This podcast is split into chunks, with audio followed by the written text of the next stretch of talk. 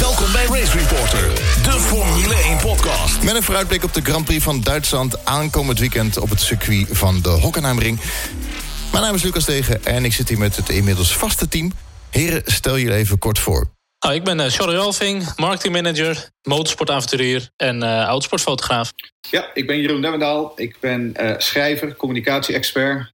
momenteel bezig aan een heuse longread over Jos Verstappen en Simtech... die ik later deze uh, zomer ga publiceren. En uh, ik kijk al 30 jaar naar de Formule 1. En ik ben Jeroen Scholten en ik kijk al 35 jaar naar de Formule 1.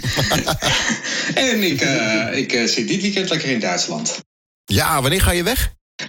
morgen. Dan hoop Morgen, hoe laat? laat ja, dat weet ik niet. Om een uur of twee of drie of zo. En dan in het begin vanavond kom ik aan en dan zet ik de tentjes neer. En dan donderdag gaan we de hele dag even op, over het circuit heen lopen en zo. En, ja, leuk. Pitwalk, pitwalk en hè? zo. Ja, pitwalk? ja, ja, ja. Mijn zoon wil een heel lange pitwalk doen. Dat hebben we nog nooit gedaan met hem. Dus dat gaat nu ook ah, zo. leuk.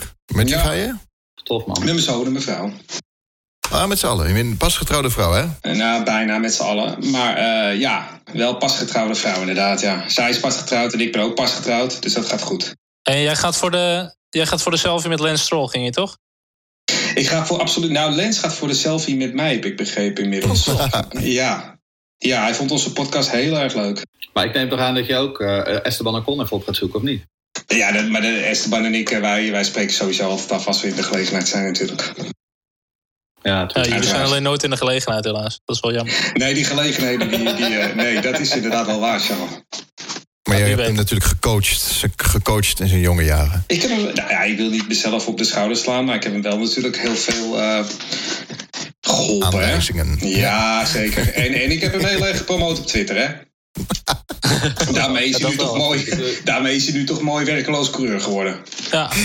Ja, en, en een van de meest gehate Formule 1 coureurs. Ook nog eens, ook nog eens. eh, goeie Ja. job man, goeie job. Echt een topjob. Oké. De Grand Prix van Duitsland, Hockenheim. Natuurlijk, ja, als ik eraan denk, denk ik eh, aan het mooie lange rechte stuk. We hadden het in de vorige aflevering over gehad. We hadden allemaal zo onze herinneringen. Ik had de herinnering Barrichello die eh, huilend op het podium stond. Maar die, die, die, die mooie beelden door die, door die bossen heen. Die, die, die, wat, wat is jullie eh, mooiste herinnering van de Duitse Grand Prix? Nou ja, ik, ik was natuurlijk, dat, dat tweet ik gisteravond al. Ik was natuurlijk mezelf al uitgebreid aan het voorbereiden. Dus ik opende Grand Prix 2 weer even op mijn, eh, Ik zag het, ja, hard. MacBook. En toen ben ik even in de, in de Simtech gestapt, uiteraard. eh, uit 1994, om even eh, weer door, over Hockenheim heen te rijden. En ja, ik moet zeggen, ik mis dat toch hoor. Die lange rechte stukken door de bossen heen. En dan af en toe eh, een chicane tussendoor. Ehm, ik, dat was toch echt mijn favoriete eh, versie van Hockenheim. Wat dat betreft vind ik de huidige versie een beetje een slap aftreksel. Is het ook niet een beetje overgeromantiseerd? De oude tijd, door de bos heen. Eh, ik denk Nee. dat het tegenwoordig aan de huidige Nee. Formule 1 niet heel veel spekta- spektakel zou Nee. toevoegen. Nee het, nee, het is juist dat er, we hebben geen, ja, we hebben alleen Monza nog, maar dit was echt vol gas. Mhm. Vlammen, gewoon die vleugel stond helemaal plat. Ja, is- Ja, en ik bedoel, en, en je, had, en je, had geweldige, en je had geweldige duels, hè, waarbij er gewoon eh, flink geslipstreamd werd. Ik bedoel, in die tijd had je helemaal nog geen DRS en dat was ook helemaal niet nodig, Nee. want, het, want het ging namelijk gewoon. Eh, dus nee, ik, vind- ik vind niet dat dat geromantiseerd is. Kijk, ik snap wel dat uit commercieel ogenblik, eh, eh, eh, uit commercieel opzicht, dat het misschien minder interessant is als auto's maar 44 keer langskomen in plaats van dat ze 75 keer langskomen. Nou, het ergste, het, er- de, de, de ergste herinnering is toch wel, eh, voor mij was toch wel eh, 1995 hoor. Tweede ronde, eerste bocht, men heel eraf in de, in de tribune. Eh, eh, Ja. en, en al die Ja. Duitsers die stonden te juichen en te lachen en te schreeuwen. En, eh, en, en, en heel, ja, die, die droop toch wel een beetje af. Dat was, eh, ja, was ook wel een beetje, eh, ja, exemplarisch. Maar maakte toch een hoop fout, hè, dat seizoen. Dat seizoen was, was niet zo heel erg goed, maar ik denk dat we het daar nog later nog wel eens over gaan hebben. Maar dit is, dat, dat, Ja. 95 was heel erg slecht, ja. Ja, klopt. En dat was wel echt een, eh, een dieptepuntje. Duitsland was natuurlijk ook altijd een mekka van de autosport met Schumacher.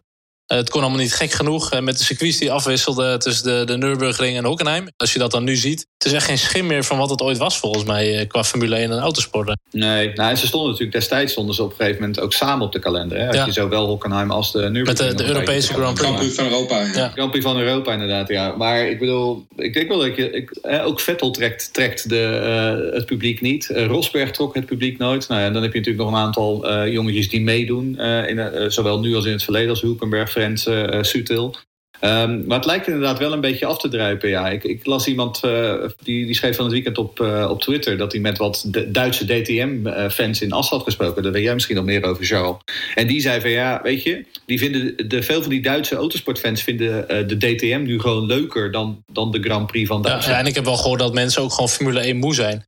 En dan ga ik het wel eens omdraaien van zouden wij misschien over 10 jaar, 15 jaar, als Max zes keer wereldkampioen is en er komt nog een andere Nederlander. Zouden we dan ook Formule 1 moe kunnen zijn in Nederland? ik, ik, denk het wel. Ze zijn wel verwend, hè, de Duitsers natuurlijk. Ja. Ja, ontzettend. Ja. Vooral de laatste 20, 25 Ja, maar ik denk dat wel als, als toch, uh, ik verwacht het niet, maar mocht blijken dat Mick Schumacher inderdaad de top van de Formule 1 kan, uh, kan behalen, dan draait het helemaal om. Mm, dat zou zomaar kunnen, ja. Maar goed. Want het is echt het, is echt het Schumacher-effect waar Vettel en Rosberg nooit tegenop hebben gekund. En, en hij wellicht wel. Ik, geloof, ik geloof daar wel in. Maar er gaan nu natuurlijk wel verhalen al dat dit de laatste keer zou zijn. Hè? Dat het dus volgend jaar gewoon niet eens meer op de kalender staat. Jawel, maar je weet nooit of het echt de laatste keer is natuurlijk. En Zandvoort was ook de laatste keer. En hup, daar zijn we weer. Nog even één vraag over, over het circuit Hockenheim. Want ik had begrepen dat uh, het rechte stuk, het oude deel... dus uh, uh, niet meer kon en mocht. Uh, ook vanwege de, het milieu, dat er bomen geplaatst moesten worden? Ja, dat klopt. Ja. Er was inderdaad een, ook een lokale verordening inderdaad, die inderdaad erop richtte om, uh, om wat te gaan doen aan, de, aan de geluid, zowel de geluidsoverlast als de, de uitstootoverlast. Ja, maar, maar die bomen zijn helemaal niet vervangen. Dus er, staan, zijn helemaal geen bomen geplaatst op, op die plek. Nou, er staan geen bomen, maar er staan wel heel veel. Want als je nu gaat kijken naar het oude, het oude circuit, dat ja. bestaat niet meer. Hè. Het asfalt ligt er niet eens Nee, maar geen bomen. Ze hebben geen bomen geplaatst. Nee, maar wel, wel struiken. Ja, ja. oeh, wat, wat, een milieu, wat een milieu vooruit. Een beetje gras en zo. En gras, ja, exact. Dus wat is dan de reden waarom... Nou, het was ook niet te beveiligen. Hè. Op een gegeven moment hadden we een demonstrant die bij Mercedes werkte, geloof ik, zeg ik uit mijn hoofd, die over het circuit heen uh, huppelde, vlak voor... Maar dat, was ook, dat is ook een Silverstone gebeurd. Ja, vlak voor David Coulthard langs. En daar die bossen, die zijn niet echt te beveiligen. Je kan daar moeilijk uh, hekken en alles neer gaan zetten. Dus, de, dus dat is ook gewoon een nadeel. Maar ik denk dat het een combinatie van factoren was. Hè. Het commerciële idee dat, je gewoon, hè, dat de auto's vaker uh, langs, uh, langs uh, het stadion, het motodroom moesten komen. dat speelde uiteraard ook mee. Dus stel, volgend jaar, stel dat Duitsland niet doorgaat. Wat komt er voor in de plaats, denken jullie? Nou, het verhaal is dus dat Zandvoort en Hanoi, de, dus de Grand Prix van Vietnam... dat dat de twee nieuwe toevoegingen aan de kalender worden voor volgend jaar. Ja, en dan in plaats daarvan, die komen dan in de plaats van uh, Barcelona, wat dan uh, puur uh, en alleen een testcircuit zou worden. En, en Duitsland zou dan inderdaad ook bu buiten de boot vallen. En Mexico, hè? Mexico staat ook onder druk. Ja, maar dat is daar. Mexico is weer terug in, in, in het goede vakje op dit moment. Hè? Want het schijnt dat Carlos Slim, de, de, de, de miljardair die ook Sergio Perez um, sponsort via Tel, Telmex. Uh, die heeft zich uh, sterk gemaakt voor het uh, behouden van de Mexicaanse Grand Prix. En het blijft ook wel een belangrijke markt, hè, Mexico. En ik denk dat het voor de Formule 1 goed is als je circuits drie jaar of vijf jaar afwisselt. Net afhankelijk van of een coureur weggaat of een coureur het heel goed doet. Kijk, Alonso is weg. In Spanje kijkt ook bijna niemand meer Formule 1. En Carlos Sainz trekt ook nog geen volle zalen. Dus het is op zich niet heel onlogisch dat ze gewoon lekker blijven door, doorroleren, zeg maar. Nee, maar het probleem in Mexico was vooral dat die, uh, de overheidsbijdrage uh, op de tocht stond. Um, en dat is dus het, uh, het gat waar Carlos Slim volgens de TamTam ingesprongen is. Om op die manier de, alsnog die, um, die Grand Prix overeind te houden. En wellicht in de toekomst komt Award erbij, hè? Patricia Award. Dat zou ook heel goed zijn. Ja, exact. Ja. Zie ik niet zomaar gebeuren trouwens, maar wie weet. Als je het goed nee, gaat doen. Hij moet, hij moet nog even. Bon, het is, uh, vandaag kwam er een, een mooi bericht op Twitter. Een nieuw, of uh, gisteren eigenlijk al. Een nieuwe livery voor Mercedes. 125 jaar motorsport. Het zou gaan om een witte. Nou, misschien op het moment dat deze podcast uh, online is... dat het al zichtbaar is. Misschien ook een reden dat die wit is... is omdat het heel warm wordt dit weekend in, in Duitsland, Hockenheim. Hoe, hoe, hoe gaat, gaat Mercedes hiermee om met deze hitte? Ja, we hadden inderdaad ook wat lezersvragen inderdaad. Van, um, een lezersvraag van Chris, die vroeg naar wat we in Oostenrijk gezien hebben. Wat verwachten jullie voor effect van de temperatuur in Hockenheim op Mercedes?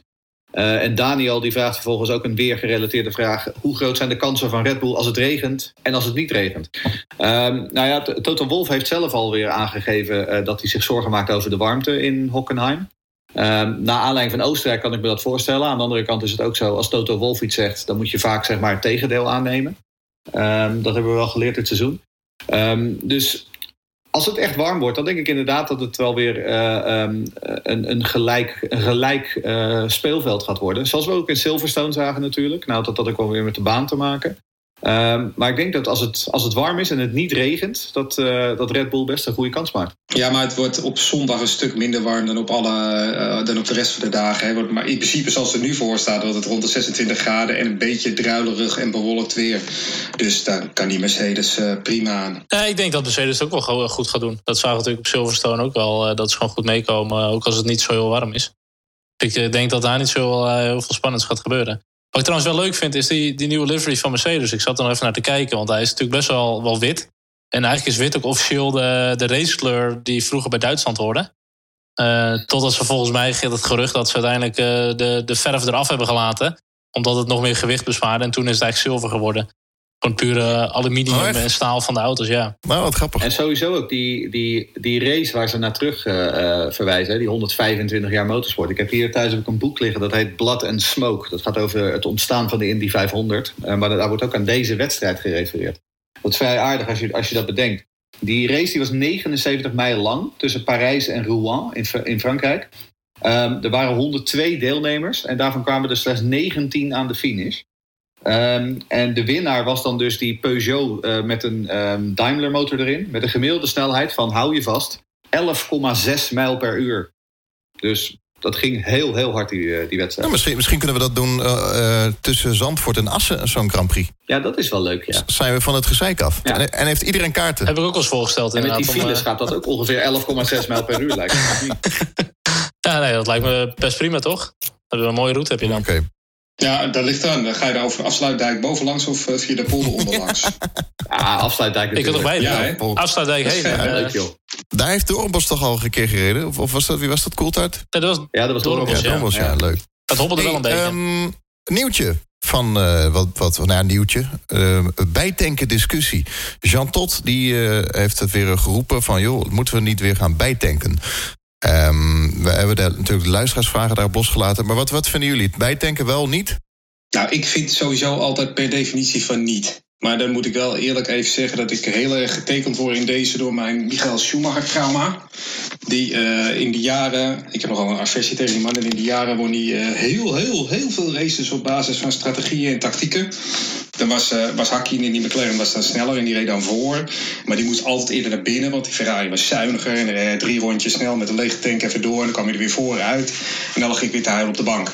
Dus dat is wel een beetje het kleurt een beetje mijn mening, maar het is wel een beetje zo dat als ik aan dat soort races terugdenk, dat zijn niet de dingen waar ik warm van word als ik uh, Formule 1 kijk. Ja, maar, nee, maar, serieus, als je nou. Als je, ja, ja, ik snap het wel. Maar die, kan jij je Hongarije 98 nog herinneren? Waarbij Schumacher met een drie-stop-strategie tegenover een twee-stop-strategie uh, van die McLaren's en ze versloeg? Nou, dat weet ik niet zo 1, 2, 3 Ronde na ronde na ronde na ronde het baanrecord verbeterde. Nee, dat weet ik niet zo 1, Dat staat me echt nog in mijn, in mijn geheugen gegrift. Dat was een geweldige wedstrijd. Juist door die tactiek. En, en misschien zijn er, voor mij word je ook eens met een vierstopper in, uh, in Frankrijk. Dus dat was ook een geweldige tactiek. Maar voor de rest in de geschiedenis is het gewoon in het uh, bijtanktijdperk is het in 77% van de gevallen, en dat heb ik toevallig van de autosport laatst gehoord, dus die had ik even van ze, waren de nummers 1 en de nummer 2 waren op dezelfde strategie.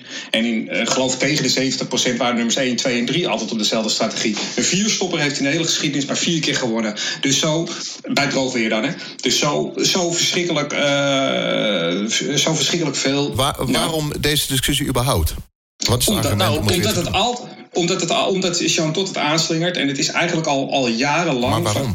Van, van, ja, heel veel mensen verlangen terug naar de jaren negentig, denk ik. Nee, en dan nee, pakken ze één aspect eruit. Nee, kijk, let op. Die auto's die zijn alleen maar groter geworden, alleen maar zwaarder geworden. Want die, die, die brandstoftank die moet helemaal vol zitten. Ze moeten de hele race ermee uit kunnen rijden. Ze willen genoeg brandstof door die motor jagen. Uh, om, uh, hybrids moeten erbij. Ja, uh, ook, nee, maar goed, ook zeggen ze die brandstoftank. Kijk, ze willen dat ding op heel veel toeren hebben, dat die toch nog wat geluid gaat maken en zo. Uh, Chantot zei ook van, joh, die auto's die moeten kleiner. Ze zijn zo gigantisch groot geworden, die auto's. Kijk, je zegt van, joh, strategie, dat, uh, die waren toch vaak hetzelfde. Nee, maar het racen was wel makkelijker met een kleine auto. hoe groter de auto, hoe moeilijker het inhalen wordt. Um, dus dan denk ik wel, ja, je wilt toch wel weer naar kleinere auto's toe, denk ik. Want dan wordt het racen gewoon mooier. Uh, maar dat zei Hamilton ook. Hè? Hamilton zei onlangs ook in een van de persconferenties... die zei van dat je de auto's zijn te zwaar nu. Ze moeten gewoon lichter. Mm. Uh, ze zijn nu 100, 150 kilo uh, zwaarder dan toen ik begon met racen. we moeten weer terug naar dat tijdperk. Kijk, wat mij betreft, wat mij betreft hoort bijtanken... Nou, maar dan moet je aan Lewis Hamilton vragen. Ik ben niet de, spook, ik ben niet de, de spokesperson voor Lewis Hamilton.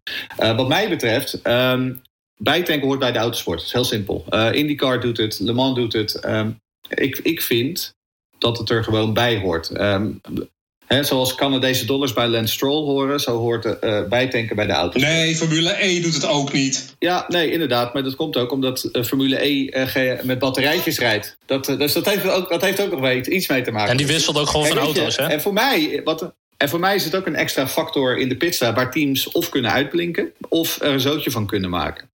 Um, ik denk dat dat ook belangrijk is is dit niet een stap terug? We gaan, ooit moeten we van uh, uh, benzine af. We, we, we, gaan naar elektriciteit en dan gaan we nu weer bijtanken. Ja, wat gaan we dan? Gaan we dan, gaan we dan over vijf jaar accu, accu vervangen in de pits? Nou, dat heeft de Formule 1 wel gedaan. Het is, nee, maar het is ook gewoon een stap terug. Je, je, moet, je moet daar niet aan willen beginnen. Ook met, ook met budgetten. Het is gewoon 1 miljoen per team per jaar extra als je gaat bijtanken. En dat is, de, de, we, we, hebben het toch ook allemaal over kostenbesparing. Op een totaal, op een totaal van 150, 160 miljoen. Dus wij hebben we het over. Ja, maar hoe wil jij dan... Uh, jij wil er één keer 40 miljoen besparen. Ik bedoel, dit zijn gewoon normale besparingen van een miljoentje. Kijk, er zijn een paar dingen waardoor het niet realistisch is. Dat is inderdaad enerzijds... Het moet ontwikkeld worden. Nou, dan kan je zeggen, we maken een standaard systeem. Een standaard tankinstallatie, dan kan je die kosten wel drukken. Want ze moeten dat niet allemaal zelf gaan uitvinden en ontwikkelen.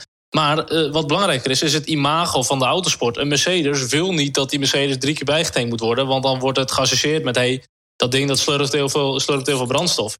Kijk, en dat, dat willen ze niet meer. Um, dus ik denk dat het niet realistisch is om dat weer te gaan doen. Nee, en om auto's kleiner te maken of lichter te maken, hoef je niet uh, aan de, aan de, hoef je dit soort maatregelen niet toe te passen. Daar zijn andere manieren voor. En daarbij, IndyCars zijn om en nabij even zwaar en die kunnen ook volop inhalen. Dus ik zie ook niet in waarom ze lichter moeten zijn. Goed, nou, uh, heftige discussie in ieder geval in deze podcast... en waarschijnlijk ook achter de schermen tussen de teams en de organisatie. Uh, dat gaan we in de gaten houden. Race Reporter, de Formule 1-podcast. Maar nu eerst even de nieuwtjes doornemen. Wat kwam er allemaal voorbij op Twitter afgelopen week? Formule1podcast.nl 2021 Ground Effect komt terug. Ik heb daar gisteren toevallig iets over gezien op uh, YouTube... over Le Mans, de Mercedes die uh, een koprol maakte. Heb je die gezien toevallig? Uit 1998 bedoel jij? Was dat Pieter Dunbar? Was dat Ja, Mark en Webber? Webber. Mark Webber, ja, die ook even... Toen waren er Ja, twee en auto's Pieter, volgens mij. Pieter Dunbar. Ja, precies. Maar er is dus maar één keer. Dus het is drie keer gebeurd, maar er is maar één keer gefilmd.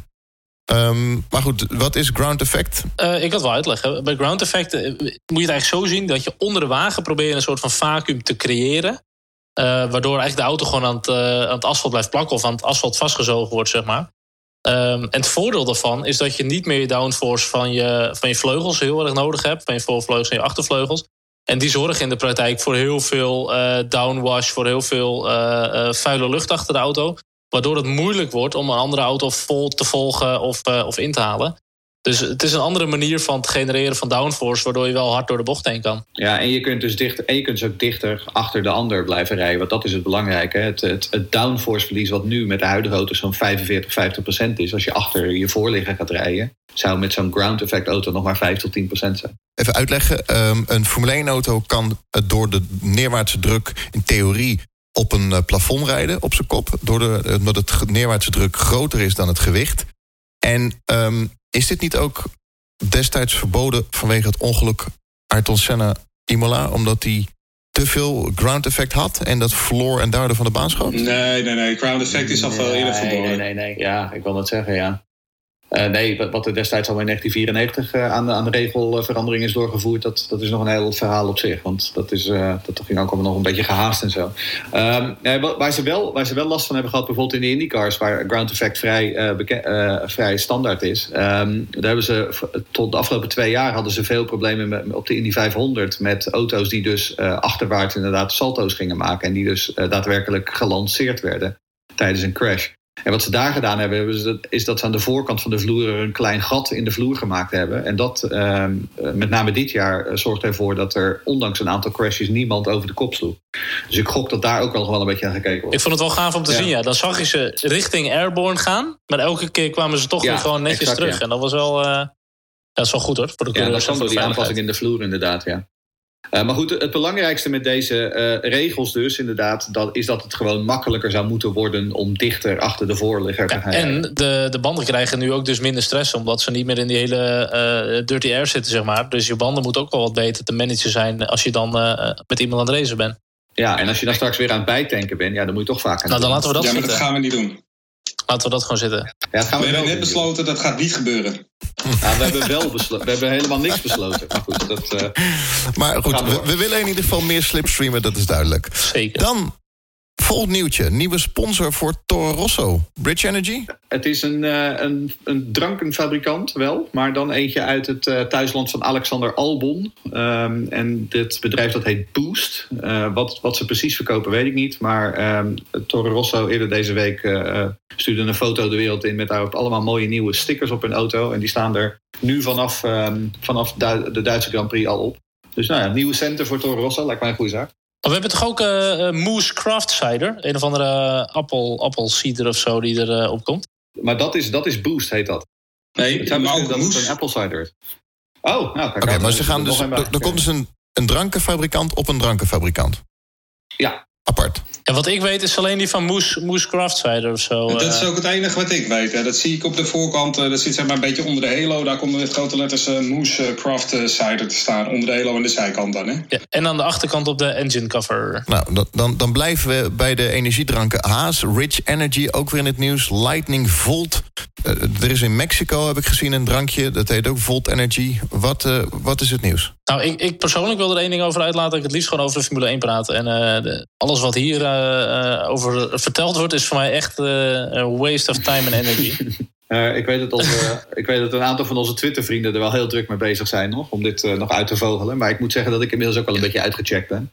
Ehm, maar ehm, in ieder geval, er is nu iets dat heet Lightning Volt. En dat zou dan de opvolger van Rich Energy moeten zijn. Maar William Story zegt dan weer dat het niet de opvolger van eh, Lightning Volt is. En dat Rich Energy nog steeds bestaat. Het enige wat wel eh, een beetje met de Formule 1 te maken heeft... is dat de Haas in eh Hockheim gewoon met de eh, zwart-gouden eh, livery gaat rijden. Haas, eh, Haas weer terug naar de Melbourne Specs op eh Grosjean-auto. Dit, had- dit was toch al eh, vorige week, toch al vorige race, toch al? Ja, dat deden ze in Silverstone inderdaad al. Eh, en dat gaan ze dus nu in Duitsland weer doen. Ja. Ehm, omdat ze natuurlijk in de race eigenlijk niet zo heel veel tijd hadden om dat uit te testen of het ook daadwerkelijk werkte. Omdat die twee Oh, te druk waren om elkaar van de baan af te rijden.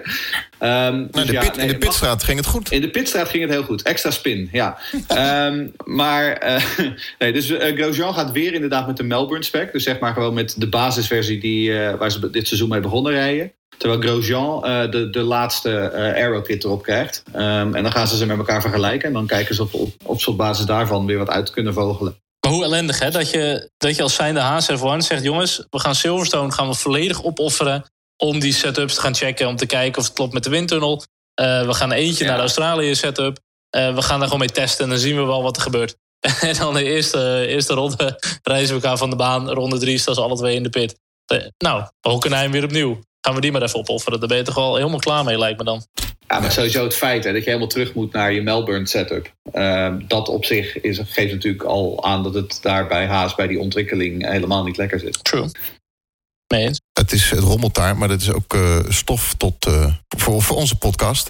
Ocon, die eh, vervangt de Grosjean, zijn de geruchten, eh, was te lezen vandaag. Eh, ja, nou ja, goed. We hebben het eigenlijk daarnet al gezegd dat er bekend is gemaakt dat Grosjean met de oude livery of met de oude eh, spec gaat rijden uit Melbourne. Dus, dus, dus dit gerucht eh, kan daarmee ook eh, weggegooid worden, denk ik. Ja, nou ja, het, werd ook, het werd ook eerder vandaag of gisteren werd het weer gerecycled door Autobild in Duitsland. Eh, en toen zat ik dat stukjes te lezen. Ehm, en toen dacht ik, ja, hier, haal je eigenlijk ook nog steeds niks uit. Want het enige wat Autobild deed was een aantal mogelijke scenario's voor de toekomst van Grosjean eh, eh, schetsen. En Ja. één daarvan was dat hij vervangen zou worden door eh, Ocon in Duitsland. En toen zei ze meteen zelf al, maar dat gaat niet gebeuren. Dit was ook een draadje op, op Reddit. En toen ik hem tegenkwam, heb ik hem geplaatst. Want ik vond het wel interessant. En het, het klinkt zeker niet onwaarschijnlijk. Maar goed, dat soort dingen, dat soort beslissingen worden niet zo ad hoc gemaakt. Nee, ik denk dat Ocon volgend jaar gewoon eh, voor Renault gaat rijden. En eh, dit jaar gaat hij nergens instappen. Het, ik denk, het, het, levert uiteindelijk voor Haas ook verder niet zoveel op om nu Grosjean eruit te gooien en er een andere coureur in te zetten. Eh, ze hebben veel grotere problemen dan, eh, dan, dan Rome en Grosjean op dit moment. Ja. Nee, ik zou het inderdaad in ieder geval het jaar eh, gewoon uitzien. Ze hebben overal problemen met de sponsor en met de auto. En, en, en Grosjean is op dit moment echt hun allerminste probleem. Ja, True. eens. Mee eens. Ja, al denk ik wel dat Grosjean heel goed zou zijn in het bijtanken van die. Ja, maar dat hadden we al besloten dat dat niet doorging. Oh, vandaag groot nieuws. Goed nieuws en slecht nieuws voor veel mensen. Namelijk de Zandvoort Dutch Grand Prix kaarten. Heel veel mensen gebouwereerd, want die zijn... eh, ja, ik, maak, ik weet dan dat zijn ingelood, uitgelood. Maar volgens mij, als je uitgelood bent, dan eh, hoor je er dus niet bij. Ik ben gewoon boos. Uh, ja, er zijn heel veel mensen zijn boos op Twitter, helemaal ontploft. Ik ben ook Eh, boos. ruim 1 miljoen aanvragen. En vandaag kregen dus veel mensen een mailtje van... eh, nee, helaas, je hoort er niet bij. Wat is er aan de hand? Ja, weet je wat het is? Je wordt allemaal heel lekker gemaakt. Return of the Dutch Grand Prix. Historisch, dit en dat. Iedereen kijkt er mega naar uit. Eh, ik heb inmiddels echt wel heel wat fans eh, die ik tegenkom op Twitter en Facebook. Iedereen heeft er mega veel zin in. En vandaag, ik zie alleen maar mensen die geen kaarten toegewezen hebben gekregen. En dan het schrille contrast dat je dan ook nog mensen ziet die hun kaarten direct op marktplaats zetten. En het is heel moeilijk om dat van tevoren allemaal voor te zijn. Maar ik denk, hoe kan dit dan, zeg maar? Er zijn zoveel mensen teleurgesteld. En dat hele eh, euforische gevoel, dat is nu echt wel een klein beetje weg gaan raken. Dat ik denk, ja, eh, buiten het feit dat ik persoonlijk nog geen kaarten toegewezen heb gekregen. Maar eh, daar heb ik alle hoop voor dat dat uiteindelijk wel goed gaat komen. Maar ik vind het echt zuur voor iedereen die hier echt naar uitkijkt en nog geen kaart heeft. Ja. Maar er is een troost, het is drie jaar, hè? Ja, maar dat, dat, zat ik dus vandaag ook al over na te denken. Want ik heb best wel even gekeken eh, eh, op de berichten op social media van wie hun kaarten toegewezen hebben gekregen. Kijk, er zijn sowieso heel veel mensen op de tribunes eh, de, die goede pakket hebben. Maar vooral de bronze area, dus de general admission.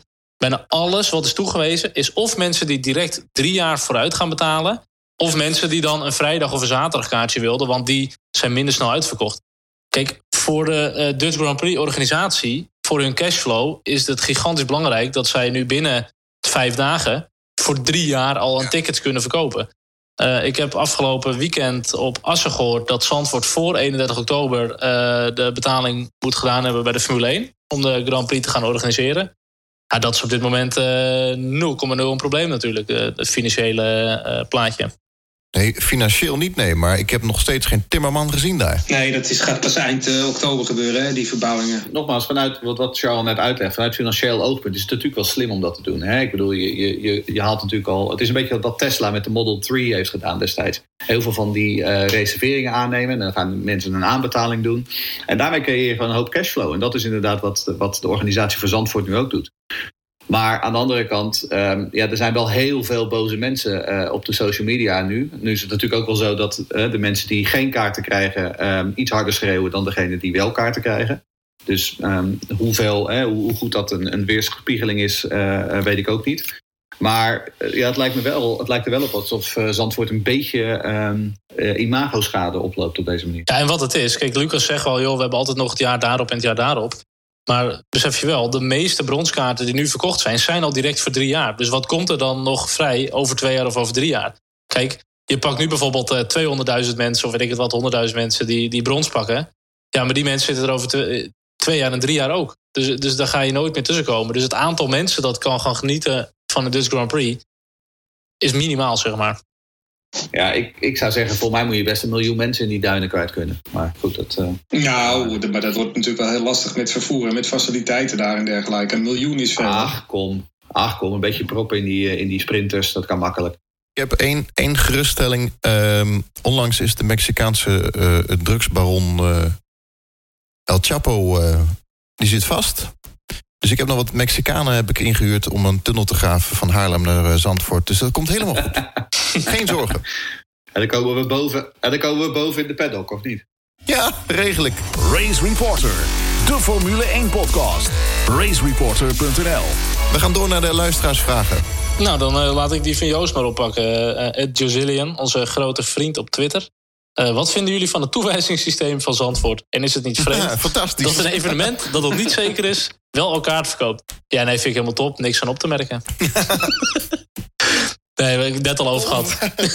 nee, ik heb me eigenlijk al beantwoord. En door. Nee, maar ik, ik heb wel één ding. Ik vraag me wel af, in hoeveel, eh, hoeveel buitenlanders hebben ze... eh, er zijn natuurlijk ook Engelse fans. Het zijn er niet alleen maar... Nee, het is toch niet echt een, een Nederlands feestje, oranje... En voor mij is het eh, Jeroen Huizenveld... die eh, de kaarten voor de, eh, het buitenland gaat doen. Dus daar ben ik nu ook al eh, naar aan het kijken. Van joh, wat gaat daar beschikbaar komen eh, via andere connecties? Wat kan ik daar nog regelen en zo? Ja, komt goed. We hebben connecties. Er zijn ook heel veel tickets gegaan naar natuurlijk uh, sponsors en investeerders van de Dutch Grand Prix. Ik denk dat daar heel veel ook heen is gegaan. Um, wederverkopers weet ik niet. Dat, dat lijkt me niet heel goed natuurlijk als je dat zou doen. Maar het is gewoon niet fijn zo'n systeem. Maar goed, het is nu wat het is. Volgende vraag van R. Malteser. R. Malteser, ja. Die, die stelt dus een vraag in het Duits. Net als ah, goed. Ja, en die zeggen uh, zu uns, wie viel Zeit bekommt die Sepp nog bij die Italiener? uh, en Matthijs die maakt daarvan, was is Ihre Erwartung mit der Vettel? Soll ich der positive Trend vinden? um, nou, dan, dan vertaal, vertaal, ik dat even vanuit Flauskesseldeutsch naar uh, goed Nederlands. Um, die vragen dus hoeveel tijd gaat Sebastian Vettel nog krijgen bij de Italianen? Uh, en wat is onze verwachting rond Vettel? Gaat hij eindelijk nu de positieve trend vinden? Uh, nou, we hebben die natuurlijk uh, rond Silverstone al een beetje over gehad. Um, en toen, toen, toen, toen turfde ik al een beetje alle fouten die hij in het afgelopen jaar gemaakt heeft. En dat zijn er nogal wat. Um, het moet wel heel snel om nu, lijkt mij, dat roer. en als het ergens kan, dan is het hier in, in Hockenheim. voor zijn thuispubliek, waar hij vorig jaar natuurlijk gewoon een domme fout maakte en een overwinning weggooide. Um, dus ja, uh, ik, ik heb er goede hoop in. Als die, kijk, wat Vettel is uiteindelijk natuurlijk wel gewoon nog steeds een goede rijder. En als hij de goede schwung weer vindt, zoals dat heet in Duits, dan, uh, dan uh, doet hij opeens weer vooraan mee. Maar, ik hoop zo dat hij pol pakt en wint dit weekend. Ik, sterker, ik heb denk nog nooit zoveel, zo graag gewild dat Vettel wint als dit weekend. Ja, nee, ik, ik hoop ook inderdaad dat hij, dat hij de weg omhoog weer vindt. Ja. Ik, ik hoffen es. Wie hoffen das, ja. Ja, Oké, okay, dan volgende vraag van Thomas Sol. Thomas die, die stelt een, een, een vraag. Ik las zojuist dat Tot wil dat er meer auto's moeten gaan uitvallen om het onvoorspelbaar te maken. Naast zijn idee van het bijtanken, in plaats van de bijtanken-discussie, ben ik eigenlijk meer benieuwd naar de opinie in het algemeen. Wat is jullie visie om F1 meer voorspelbaar te maken? Uh, nou, dat is wel een goede vraag. We hebben het er wel vaker over gehad. Uh, we hebben nu dit seizoen een paar super saaie races gehad. We hebben nu weer twee super mooie races gehad. Maar de, de, de mening is, de Formule 1 moet gewoon minder voorspelbaar gaan worden. Ik zat net al even te kijken in het puntenaantal. Mercedes heeft op dit moment meer punten dan alle teams bij elkaar als we Ferrari alleen niet meerekenen. Dus Red Bull, Toro Rosso, Renault, et cetera. Ja, dat is natuurlijk niet een heel gezonde uh, situatie. Uh, ik denk dat er een paar oplossingen voor zijn. Eentje die we al heel erg tegenkwamen is gewoon meer grindbakken. Minder uitloopstroken van asfalt. Uh, ik denk dat die ground effect ook een hele goede gaat zijn om gewoon puur uh, beter te kunnen volgen, beter uh, dicht op andere auto's gaan rijden. Dus dat doet het racen wel, wel goed. Ehm, ik denk ook veel meer oude, echte racecircuits. je ziet toch dat veel van de nieuwe circuits soms niet altijd even goed zijn om echt te racen en niet heel veel inhaalmogelijkheden hebben.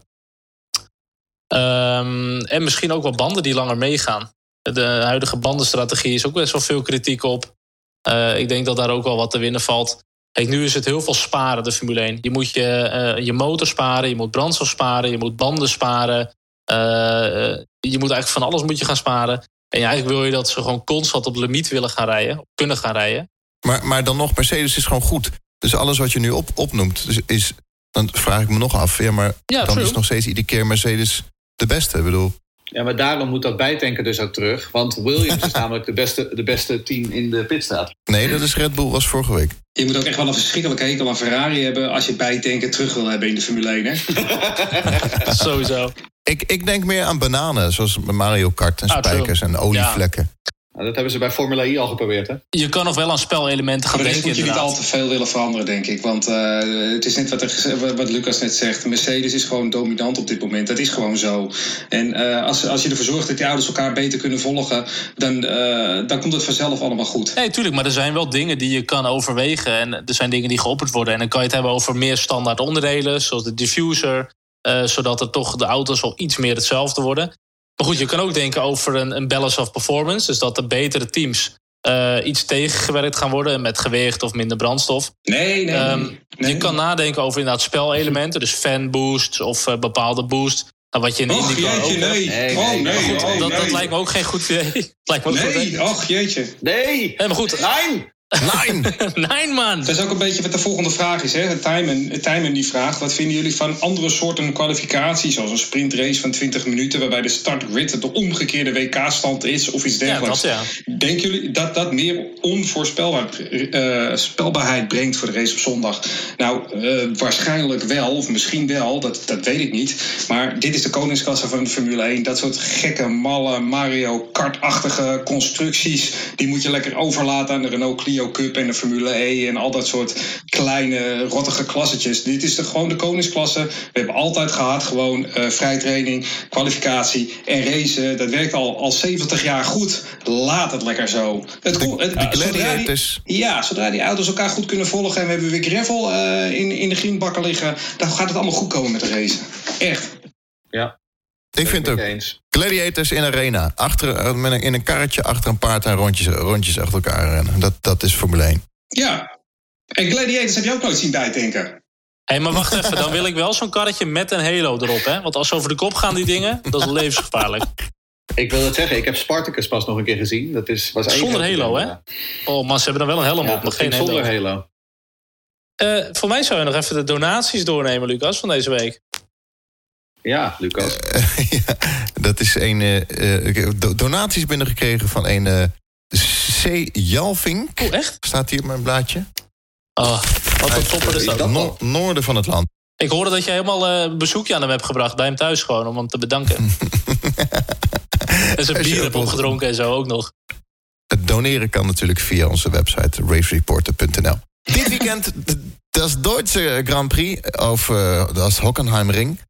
Vrijdag natuurlijk eh, de beide vrije trainingen en zaterdag vrije training en de kwalificatie. Die is om drie uur en de race om tien over drie.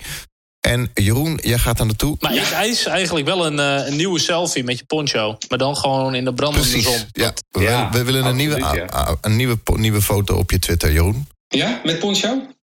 Ja, Ja, maar dit heeft wel een, een klein beetje te maken met het weer. Hè? Want als het 37 graden is, dan heb ik hem vaker uit dan aan.